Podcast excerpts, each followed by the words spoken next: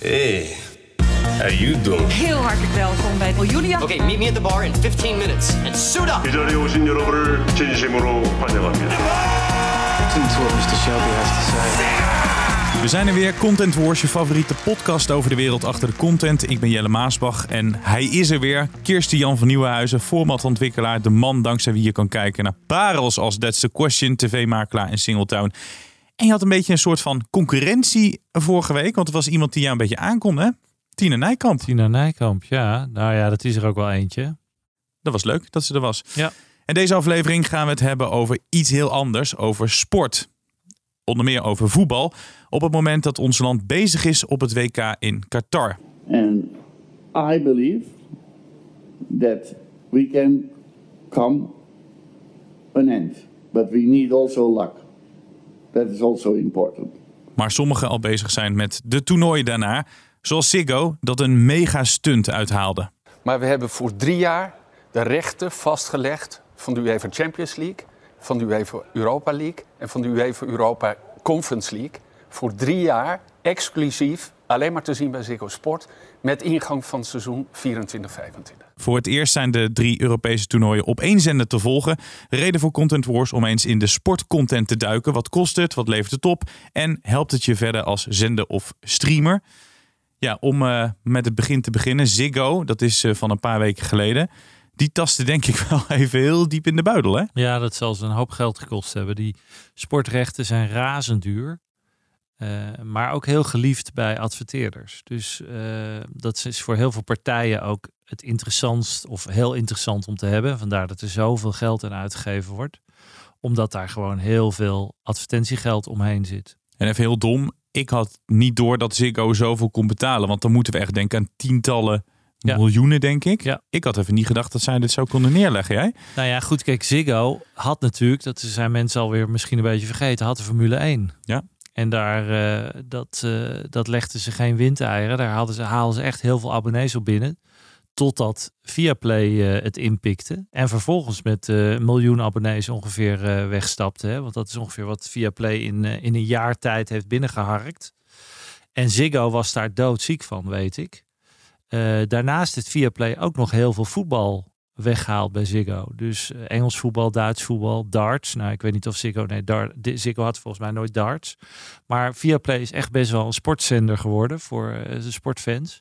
Dus Ziggo moest gewoon iets gaan doen. Die hadden zoiets van, ja, wij moeten... Als we nog een beetje willen meespelen, moeten we iets gaan eh, proberen te pakken. Dus ze hebben alles op alles gezet om vanaf eh, 2024 heel veel Ja. voetbal te gaan brengen. En je wordt altijd gek van mij, want ik ben altijd van de cijfertjes. Wat zou zoiets ongeveer bierviltje kosten, denk jij? Ja, dat, dat vind ik heel moeilijk. Het, eh, want ik ben daar helemaal niet van. Maar enkele tientallen miljoenen per jaar kost Ja, dan- het sowieso. ja.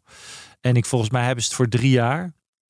Dus het zou mij niet ver- als het tussen de 50 en de 100 miljoen is. Gigantisch. Is dat ook een risico, denk je, als je zo graag al die toernooien wil hebben? Want ze waren natuurlijk een beetje getergd. Ze zagen via Play opkomen. Ze dachten, nou, dan gaan wij eens even lekker geld uitgeven. Nou ja, het is altijd een beetje een risico. Want op het moment dat de Nederlandse clubs niet zo goed eh, presteren. En met Ajax gaat het toch niet heel lekker. Ehm, maar goed, daartegenover Feyenoord eh, en PSV doen het wel weer redelijk aardig. Dan heb je wel een probleem natuurlijk. Want dan, dan ga je heel veel geld mislopen. Ja. Maar zolang je de Champions League hebt. Eh UEFA Cup ook. Ja, dat zijn wel echt wel hele goed bekeken programma's. eh, of wedstrijden. Dan hebben we het over vele miljoenen kijkers. Dus dat is echt interessant. En ervan uitgaan in 2024 dat het hopelijk weer wat beter gaat met Ajax als Ajax-fan uh, Ik hoop het. Ja. Ehm, eh, dan, dan verwacht ik wel dat dat, dat, dat dat goed gaat komen voor ze. Even in die sporttermen blijvend. Zij scoren, maar RTL en SBS die, eh, die lopen nu best wel wat mis. Ja, ik denk vooral dat voor SBS een te grote aderlating is. Die hebben eh, vaak toch nog kunnen scoren met een aantal voetbalwedstrijden die bij Veronica vooral liepen ook. Ja. En daarmee halen ze de gemiddelde omhoog. Want de SBS moet natuurlijk een soort gemiddelde kijkcijfers halen voor hun adverteerders. En als ze dan één waanzinnige knaller erbij hebben, kan je dat dan weer een beetje verrekenen met eh, eh, alle wat minder scorende programma's. En dat zijn er nogal wat. Ehm, dus dat, dat, eh, dat is wel vervelend voor ze, dat ze die klappers ook niet meer echt kunnen hebben. Want ze hebben al die analisten, al die studio's, al die programma's. Zag bij, eh, ook toen bij Veronica en bij RTL dat ze allerlei eh, studio's hadden aangepast. Ja. Ja, daar zitten ze dan ook mee. Ja, nou dat, is, dat zijn eigenlijk de minste kosten. Die studio's valt wel mee. Dat is vaak een setje die natuurlijk gewoon in een nieuw studio wordt gezet. Ja. En die analisten valt ook nog wel mee. Dat gaat niet om tonnen. Ehm, die rechten zijn bij VAR gewoon, die, die zijn zo duur. Maar ja, god, eh, voorlopig eh, tot 2027 eh, dacht ik, zitten Ja. ze er gewoon naast. Helene Hendricks werd gelijk gevraagd: hey, ga jij overstappen? Denk jij dat er nog veel mensen de overstap gaan maken? Ik verwacht wel dat er één of twee transfers gaan plaatsvinden. Want volgens mij heeft Ziggo qua voetbal-experts... eh, weet ik eigenlijk niet meer zo wat ze hadden. Natuurlijk, ze hebben al een tijdje niet meer. De grote Marco van. Basten zit bij Ziggo. Eh, die zit nog steeds bij Ziggo, want die zie ik nu ook weer bij... Ja, die eh, mocht ook in één keer bij de NOS, Ja, NOS aanschuiven. NOS, ja. Dat mag dan kennelijk. Nou ja, dat mag dan inderdaad. Dus zoiets zal het wel zijn. Maar goed, er lopen inmiddels best wel een aantal rond. Ook wel een aantal die niet zo goed zijn. Hè? We hebben het af en toe wel eens over. Ehm, dus ja, dat, wordt, dat zal ongetwijfeld wel weer even een, een, een strijd worden van wie, wie krijgt de leukste commentatoren binnen en de leukste analisten. Want eh, wat ik zeg, die zijn niet zo heel, eh, heel erg eh, breed gezaaid. Dat was Ziggo. Zometeen gaan we het hebben over sport. Content eh, aan zich. Hè? Gaan we het even breder trekken. Eerst even naar de persoon die deze week in de hoofdrol staat. In de hoofdrol. Dat is niet één persoon, hè? Dat zijn er meerdere. Nee, nou, ik wilde deze week eventjes ehm, toch wel een bijzonder punt eh, aanstippen. En dat is namelijk dat er een Nederlands programma heeft weer een Emmy gewonnen. Eh, dat was vorige week al. Ehm, dat is een, een, een kinderprogramma dat heet Kabam. Eh, bij Zep in de ochtend werd dat uitgezonden. Ze staan nu allemaal online. En dat is echt een, een beeldschoon, mooi, heel lief gemaakt, korte aflevering van elke keer acht minuten. Eh, waarin hele jonge kinderen centraal staan. En gedramatiseerd, dus het is gewoon gespeeld. Elke week, het gaat over een kinderklas waar elk kind eh, een angst heeft. En elke aflevering gaat over de angst van dat kind. En het is echt heel mooi gemaakt. Door eh, Elisabeth Hezemans is de regisseur. En eh, ja, het, ik vond het echt prachtig toen ik er naar keek. Ik heb geen jonge kinderen meer, maar als je kinderen hebt tussen, laat ik zeggen, de vier en de, en de tien, is het echt een heel erg leuk programma. En ze hebben dus weer eens een Emmy gewonnen. En dat gebeurt niet zo vaak. Ik bedoel, we, hadden, we hebben hier een Emmy-winnaar gehad. hè, Willem Brom. En Peter R. de Vries had natuurlijk met Holloway een Emmy. En ook het zakmes heeft wel eens een Emmy gehad. Ja. Maar dan hebben we het zo ongeveer gehad. Eh, de Grote Donorshow was ook nog een beroemde winnaar, al lang geleden. Dus het wordt echt niet vaak gewonnen. Heel knap. Een Caro NCRV. En het is van een, een heel goed filmbedrijf, het IJswater Films, die al heel lang bestaat, al binnen 25 jaar. De Poolse Bruid was een film die ook best wel een heel mooi film was, al lang geleden. Maar ja, het is echt, ik vond het echt eh, prachtig gemaakte afleveringetjes van acht minuten. Dus je kijkt er ook zo doorheen. Het is heel ontroerend. Weer een keer een mooie positieve in de hoofdrol. Had ik de titel al gezegd, het heet Kabam. Kabam, zei je volgens mij. Oh, dat ja. zei ik, ja. Nou, dus, Dus dat nog een keer ik- shout-out naar de makers van Kabam. Shout-out voor de makers. Helemaal verdiend. Emmy Award voor Kabam. Terug naar eh, de sportcontent. Hoe belangrijk is het voor een zender om sportcontent te hebben? Heb je net al een beetje verklapt, maar volgens mij is het wel redelijk. Ja, kijk, het is de droom van, van heel veel lineaire zenders. En die hebben eigenlijk bijna alle lineaire zenders hebben natuurlijk vroeg of laat een keer sport gehad. RTL heeft het bij RTL 7 vaak wel sportwedstrijden gehad. Eh, Mannenzender. NPO heeft natuurlijk heel lang eh, alle, alle voetbal gehad en, en heel veel Olympische Spelen en alles. Maar wat je dus nu ook ziet, is dat steeds meer streamers eh, naar sport gaan. Wat aanvankelijk voor de meeste streamers niet per se het belangrijkste was. Maar als je het lijstje even afgaat, dan Mhm. inmiddels hebben bijna alle streamers eh, gaan zich ook steeds meer op sport richten. En dat is wel een grappige ontwikkeling. Dat je dus ziet dat ze ook zij eh, de importantie inzien eh, van, van sportwedstrijden. Ja. Dus als je, ik heb even een overzicht gemaakt, want ik weet het niet allemaal uit mijn hoofd. Maar ik weet, eh, als je kijkt naar bijvoorbeeld een Apple TV, wat die dan heeft. Nou, die heeft dan in Amerika hebben ze dan voetbal, dus eh, Major League Soccer, maar ook honkbal, wat natuurlijk een hele grote sport is in Amerika. Dan in Amazon heeft weer voor een aantal Europese landen Champions League. Maar in Amerika hebben ze National Football League, dus eh, American Football. Nou, dat is heel groot in Amerika. Dat heeft Amazon. Eh, Discovery in Nederland en in Europa heeft de Olympische Spelen, maar ook UFC.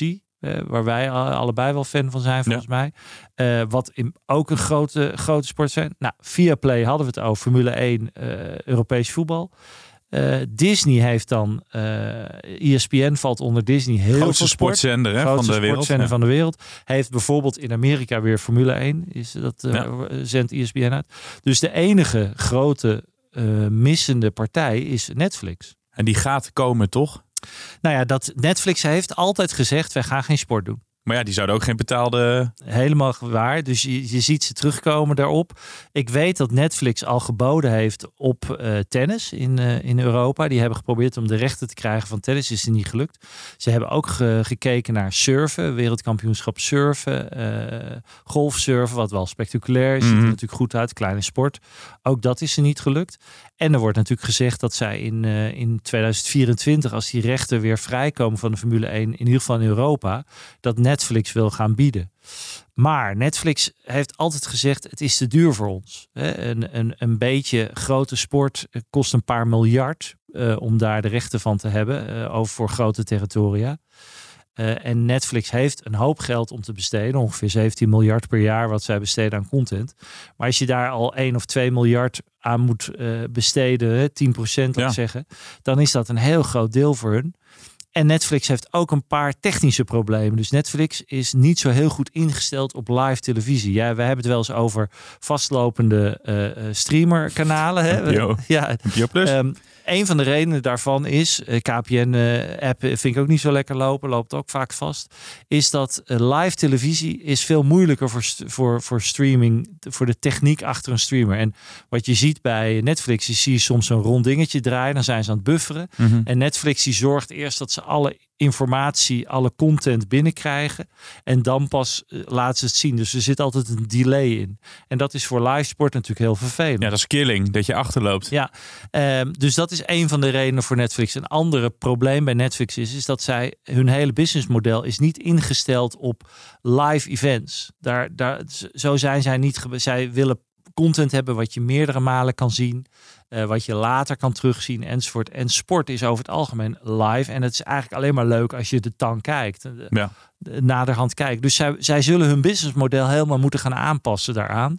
Daarnaast komt er nog bij kijken van het wordt vooral interessant als je adverteerders hebt. Nou, daar gaat verandering in komen. Hè? En Netflix gaat adverteerders krijgen. Dus Mhm. adverteerders vinden het fijn om on grote sportevents te zitten. Nou, dat is al een verandering wat neigt naar dat ze naar sport willen. Ehm, ja, dat zijn een aantal elementen waardoor je denkt dat Netflix wel iets met sport gaat doen. Maar er moet nog wel een omslag komen. Analisten zeggen dat als Netflix geen sport gaat doen, grote sportevents, dat ze het uiteindelijk niet gaan redden. Dat de streamers die over een paar jaar gaan redden, eigenlijk alles hebben. En dan komen we weer terug op waar we ook wel eens eerder over gehad hebben. Eigenlijk wordt het gewoon lineaire zenders. Ja, Ze precies. moeten gewoon alles hebben. Ze moeten drama hebben. Ze moeten alle soorten formats hebben. Ze moeten ook sport hebben. Nou, dat wordt ook over Netflix gezegd. Maar dus die lineaire zenders waar je het over hebt, de, zeg maar de, de RTL en de SBS eh, van, van deze wereld, die kunnen zich nog wapenen tegen die streamingsreuzen, omdat zij dat live aspect zo goed onder de knie hebben, Ja. omdat ze nog zo goed zijn in dat live. Maar als een Netflix er ook goed in is, dan zijn ze weg. Ja, dat is natuurlijk de angst die bij heel veel van de, de, de, de oude garde leeft. En Ja. je ziet dus wat ik al eerder zei, van heel veel streamers zijn nu naar sport aan het overgaan. En die gaan steeds meer sport doen. Eh, ja, dus eh, ik verwacht ook dat Netflix vroeg of laat... Je ziet ook al dat bij Netflix steeds meer sportdocumentaires komen. Hè? Eh, dus, en die doen het heel goed. Dus ze zijn echt wel zich een beetje daarnaast. En het allerlaatste is natuurlijk dat sport een bepaald soort doelgroep heeft. Eh, veel mannelijk. eh, en, en Netflix zou die ook wa- daar wat meer van willen hebben. Dus het is op, op alle fronten is het interessant voor Netflix om daar naar te kijken. Alleen het kost gewoon heel veel geld. En tot nu toe heeft Netflix altijd gezegd dat hebben we er niet voor over. Ja, en ehm, ik hoorde jou net al eh, over de Formule 1 eh, eh, praten. Ehm, want we denken altijd gelijk aan voetbal, dat dat natuurlijk de holy grail is. Maar andere sporten, daar wordt dus nog ook nog steeds veel geld voor neergeteld. Ja. Daar zit ook nog toekomst in. Ja, nou wat Netflix heeft gedaan eigenlijk en, en wat men verwacht bij Netflix is dat ze zich willen gaan richten op een relatief kleine sport. En daarom hebben ze bijvoorbeeld naar dat golfsurfen gekeken of kijken ze naar eh, eh, tennis wat ook wel redelijk groot is, maar nog niet giga is. Eh, en dat ze dat dan met hun bereik kunnen gaan uitbouwen naar een veel grotere sport. Formule 1 is daar een mooi voorbeeld van. Formule 1 was eigenlijk niet zo heel groot in Amerika, in Noord-Amerika. Totdat Netflix met hun documentaire kwam over Formule 1. Wat een gigantische hit was, ook in, eh, in Noord-Amerika. En eh, Formule 1 is daar nu ook veel groter geworden. Dus dat is mede door Netflix gekomen. Dat is wel gaaf, toch? Dat je zelf een sport groot kan maken en, en Ja. geld aan kan, Ja. kan verdienen. Dus er er wordt nu ook gezegd dat, dat executive bij Netflix zeggen... we moeten niet zozeer bieden voor de rechten... maar we moeten een aandeel nemen in de bijvoorbeeld de organisatie... Ah, die in die sport zit. dat kan ook. Waardoor wij altijd wat te zeggen hebben over die sport. Ja. als we het groot hebben gemaakt. Ja. Zij hadden natuurlijk dolgraag in de organisatie van Formule 1 gezeten. Dan eh, was het een stuk makkelijker voor ze geweest. De vraag is, gaat ze dat lukken? Laten die organisaties zo'n partij als Netflix toe. Maar hun tactiek zou kunnen zijn... we richten ons op een relatief kleine, maar spectaculaire sport... die de potentie heeft om groot te worden. Maar de conclusie is Netflix die eh, ja, heeft nog een slag te winnen. En sportcontent blijft ook de komende jaren van cruciaal belang. Ja, ze, ze denken dat sportcontent verviervoudigen gaat. In de, in de, althans de opbrengsten in, Ja. in de komende zes jaar. Ehm, dus er is een enorme, eh, nog steeds demand en, en eh, appetite voor, voor sport. En dat zie je ook nog steeds dat sportwedstrijden gewoon de aller, allerhoogste kijkcijfers. De Super Bowl in Amerika al eeuwenlang het best bekeken event eh, in Amerika. Eh Nederlands elftal zit ook gewoon weer op 4, 5 miljoen kijkers. Ja. Eh, ja, dat haalt ge- eigenlijk bijna geen een ander programma. Dus het is voor adverteerders ook ontzettend belangrijk. Ander ding wat leuk en fijn is voor sport, is dat veel sportfans het hele seizoen willen kijken. Dus als jij de sportrechten hebt van bijvoorbeeld voetbal, dan weet je dat die voetbalfans het hele seizoen naar jouw zender gaan kijken, omdat ze gewoon het hele seizoen willen zien. Ja. En dat is voor heel veel streamers ook belangrijk, omdat heel veel streamers hebben ook dat kijkers afhaken als ze de serie hebben uitgebinged. Dan moet er een nieuwe serie komen van iets, maar dan kunnen ze ook heel lang niet kijken. Dus sporten is ook een middel om je kijkers aan je te blijven binden. En dat is ook belangrijk voor Ja, streamers. heb je gewoon een, een, een seizoen lang in ieder geval kijkers. Ja, en zeker naar het eind van het seizoen toe, vaak neemt het nog wel toe als het, als het een heel spannend seizoen is. En Viaplay heeft nu zo'n situatie dat ze hebben gedurende de Formule 1 seizoen heel veel kijkers gehad, of heel veel abonnees in die zin. Eh, en ook heel veel kijkers tijdens die, die races. En de vraag wordt nu bij Viaplay, nu het gestopt is, hoeveel abonnees gaan stoppen nu? En nemen weer opnieuw een abonnement op het moment dat het Formule 1 seizoen begint. Eh, daar zijn ze bang voor bij Viaplay, wat ik heel goed begrijp. Eh, want als daar een paar maanden terug zit, ja, dan kan het best zijn dat een heel groot deel zegt: ik, ik stop even ermee en ik, over drie maanden begin ik wel weer. Want Ja. feitelijk eh, kost het mij evenveel als ik over drie maanden weer instap. De echte conclusie is, eh, je moet gewoon die sportrechten hebben. Dat is lekker. Loop je lekker binnen. Je moet die rechten hebben, want die rechten die gaan elk jaar gigantisch omhoog. En Ernie Beckles, wat is het? Ernie, Ernie Bernie, Beckel ja. is er multimiljardair mee geworden. Dus inderdaad, sportrechten zijn de gouden graal. Zou het hier werken? ja, en dan naar eigenlijk stiekem gewoon de allerleukste rubriek van deze podcast. naar Lisette van Diepen, hallo. Hallo heren. Jij hebt weer wat moois meegenomen van buiten de landsgrenzen. hè? Ja, of dit mooi is, dat weet ik niet hoor. Deze week kom ik met iets waarvan ik eigenlijk helemaal niet weet eh, of, het, of het wat kan gaan worden. Ehm, maar eh, ik heb iets uit Japan. Want voordat Korea natuurlijk het land was waar we als aankopers met heel veel passie naartoe gingen voor nieuwe titels, was Japan echt wel een belangrijke bron van creativiteit in formats. Heel veel hilarische, rare formats of format-elementjes komen er vandaan. En laten we niet vergeten dat Dragon's Den, waarvan heel veel mensen denken dat het Engels of Amerikaans is, een van de meest succesvolle titels ooit, hè, is gewoon Japans. En ik heb nu iets meegenomen omdat begin december eh, de beurs in Singapore is. Daar zijn veel aan- en verkopers. En Nippon die gaat daar met een titel komen die al heel veel aandacht krijgt. En de titel is Vocals Like Locals. En wat we gaan zien zijn uh, amateurzangers, uh, ook groepen, die de kans krijgen een lied uit hun favoriete buitenland te gaan zingen. En ze gaan dus proberen te klinken als een inwoner uit dat land, terwijl ze de lokale taal niet zingen. En zo krijg je hier in Nederland uh, een Fransman die lange Frans gaat zingen, André Hazes door een Italiaan en uh, Nick en Simon door twee Koreanen. En dan is de bedoeling dat uh, de liefde van die mensen voor de muziek en de cultuur van, in dit geval ons land, hun enthousiasme gaat overbrengen. In de Japanse versie zijn er dan Japanse celebrities die dat gaan beoordelen. En dan gaan we uiteindelijk daar een winnaar krijgen die kennis mag maken met de lokale ster en de originele zanger of zangeres van hun liedje van voorkeur.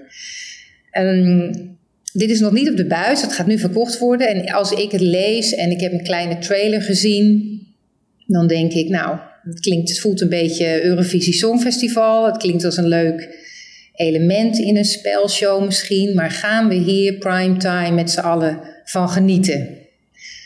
Ik, ik geef hem even aan jullie ter overweging.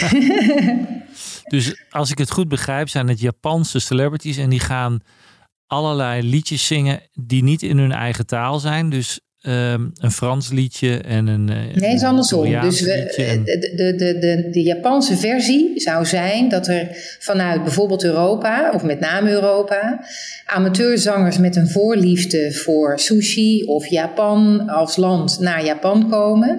En daar, zonder dat ze de taal beheersen, in het Japans een aantal liedjes gaan zingen. En daar wordt door een Japanse jury van celebrities een winnaar uitgekozen. En als wij het in Nederland gaan doen, dan kiezen wij dus Japanners en Koreanen en buitenlanders die Nederlandse liedjes gaan zingen. Ik kan me er iets van herinneren dat volgens mij bij Oeshi en Van Dijk er ooit een itempje was. En ik zie jou knikken, Lisette. Komt het ja, als, als, als, waarin haar, haar hulpje, die Japans was, uh, die ging een Nederlands liedje zingen. En dan moesten mensen moesten raden welk liedje die in godsnaam probeerde in het Nederlands te zingen. Ja, als, ik denk ook dat dit als uh, dat zo'n element ontzettend grappig kan zijn in een, in een grotere show. Ja. Uh, maar mijn vraag is als aankoper: gaat dit een avondvullend, een uurvullend, een half uur vullend, 90 minuten vullend programma zijn waar we allemaal van gaan genieten? Ja. Toen jij, toen jij zei, uh, Lisette, van spelelementen, moest ik gelijk denken aan Ik hou van Holland. Weet je nog, die Chinese man met die koptelefoon op, die dan een, een, in, een, in een soort van Chinees en Nederlands nummer aan het zingen was. Dus toen jij dat zei, dacht ik, oh ja, maar dit is hilarisch als het een onderdeel is. Ja. Maar ik, ik heb er niet zoveel verstand van als jullie twee. Maar om er nou een heel format omheen te bouwen. Ik denk dat je helemaal gelijk hebt, Jelle. Ik zie dat ook niet als een 50 minuten format. Uh, ik zie het echt als een itempje of als één liedje. Ik weet dat Talpa gaat nu een soort slechtste zangers doen. Hè? SBS6 gaat dat uitzenden. Ja. Waarbij ik ook wel heel erg mijn twijfels heb of dat gaat werken. Nou, misschien kunnen ze dat als item erin doen om het iets leuker te maken of op te spijzen.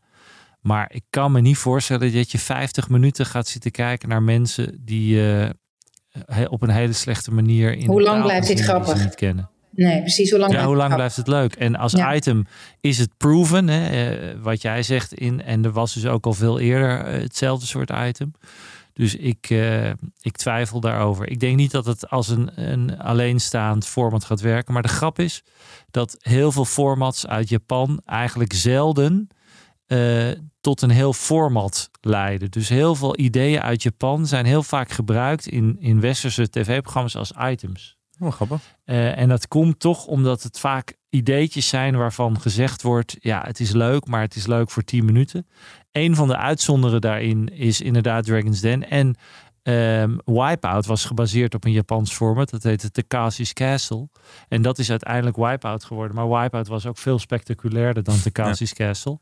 Um, maar dat is meestal een probleem met die Aziatische formats. Dat het echt wel grappige ideeën zijn, maar puur vooral als item. En dat denk ik dat het hier ook is. Ja, het is absoluut een cultuurdingetje, denk ik ook. Hè? Uh, um, aan de andere kant als aankoper uh, kan ik het niet. Ik, ik, ik ga er toch uh, naar blijven kijken. Of ik, ik ben heel benieuwd wat dit gaat doen. Want van dezelfde partij, dat Nippon Television, kwam destijds ook Old Enough. Uh, dat uh, recent op Netflix is gaan lopen. Ik weet niet of jullie dat al hebben gezien. Dat is echt al jaren oud in Japan. Dat is een format uh, elementje waarin kleine kinderen, echt heel jong, hè, dus een jaar of drie, op pad gestuurd worden zonder ouders en um, klusjes moeten doen, de straat op. En de camera's staan erop en, en dat is het format. En eh, wij hebben jarenlang gedacht van eh, hoe dan en wat is dit? En nu loopt het gewoon op Netflix. Dus ik kan hem als, als aankoper, kan ik ook deze, dat Vocals Like Locals. Ik kan er nu hard om grijnzen en hem zwaar betwijfelen. En toch moet ik hem in de gaten houden. Dat is mijn baan. Ja, maar dat snap ik ook. Want ik bedoel, alles wat er op momenteel uit Azië komt, Krijgt aandacht. gevochten. Ja, En eh, dus ja, ook vaak ideeën waarvan je van tevoren zegt van, eh, ik weet niet of het gaat werken. Dus conclusie, eh, het zou misschien hier werken. Eh, jij houdt het eh, in de gaten. ik hou hem in de gaten, absoluut. Dankjewel, Lisette van Diepen. Tot snel. Dat was hem alweer bijna. Maar voordat we afzwaaien, komen we altijd met een tip. Ehm, ik ga even, hoe zeg je dat? Beginnen? Ja, Af, hij je- over je- Bernie Ecclestone. Ik zat Ernie Becclestone, maar het is Ik Bernie Ecclestone.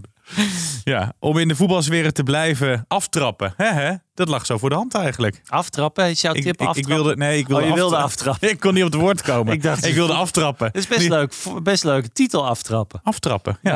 Ja. ja. mijn titel is eh, Diego Maradona. Zo heet de gelijknamige documentaire op HBO Max. Ja. En eh, over de doden niks dan goed, maar ik vond het zo'n enorme debiel altijd. Hè? Altijd onder invloed en stond altijd te schreeuwen. En het was een zo'n verhitte eh tuinkabouter langs eh, de kant. Maar deze docu die gaat over de goede oude tijd. Dat hij nog sterspeler was van Napoli.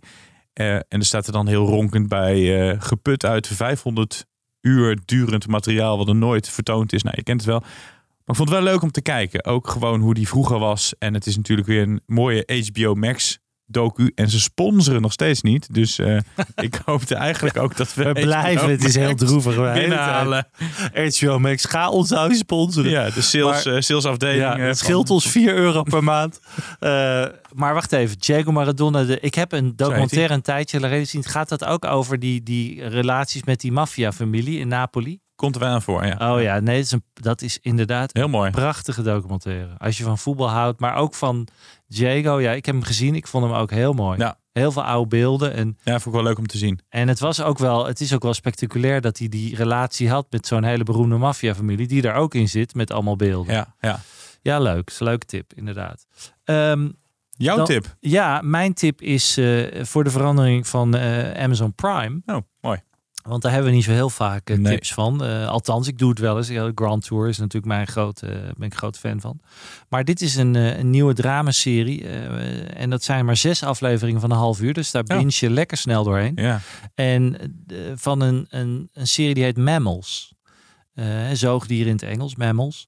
En daarin speelt eh, James Gordon. eh, die ken je ongetwijfeld van de Late Night Show. Of de Late Show met, eh, en het karaoke in de auto zingen met alle beroemdheden. Dat deed James Gordon. Maar James Gordon, wat heel veel mensen niet weten, is eigenlijk een hele goede acteur. En die speelt daar eh, hoofdrol in met een hele mooie... Wat leuk. Eh, ja, hele mooie eh, Zwitserse actrice. Die eh, heb ik even opgezocht, maar die heet eh, Melia Kreiling. En zij is, eigenlijk gaat die serie over vreemd gaan. Nou ja, dat is natuurlijk altijd een leuk onderwerp. Behalve als je zelf gebeurt. Zeker. Ehm, maar eh, ik, vond het, ik vond het een mooie serie.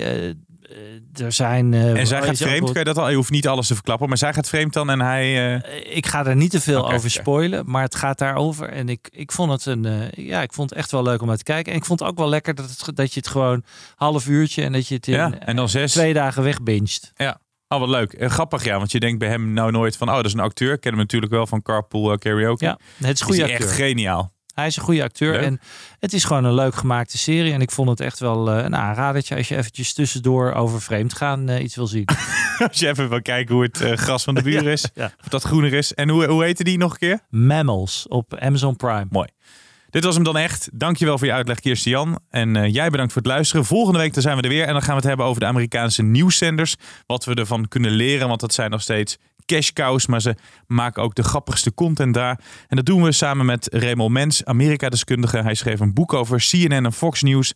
Nieuws als wapen. Die komt hier naar eh, de studio. Hoe leuk is dat? Ja, dat is leuk. Daar heb ik ook zin in. Hij is vaak bij eh, Vandaag Inside. Dus misschien kunnen we het ook nog even over Vandaag Inside eh, hebben.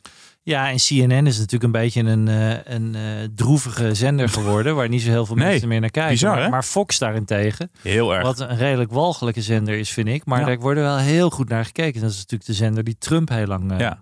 En dat zijn toch wel de grote nieuwszenders. Dus het is echt leuk om het een keer over de nieuwszenders te hebben. Wat zij goed doen. En ook over het advertentiemodel erachter. En wat wij misschien kunnen leren en mee kunnen nemen naar Europa. En dan kan jij je licht erover laten schijnen. Nou, en jij ook, want jij komt ook bij een nieuwszender vandaan. hè? Ja. BNR, eh, BNR en RTL. Ja, nou mooi.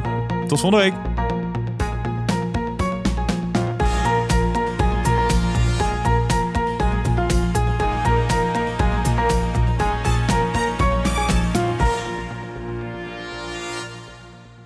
Ben jij content met deze content? Vergeet je dan niet te abonneren op Content Wars.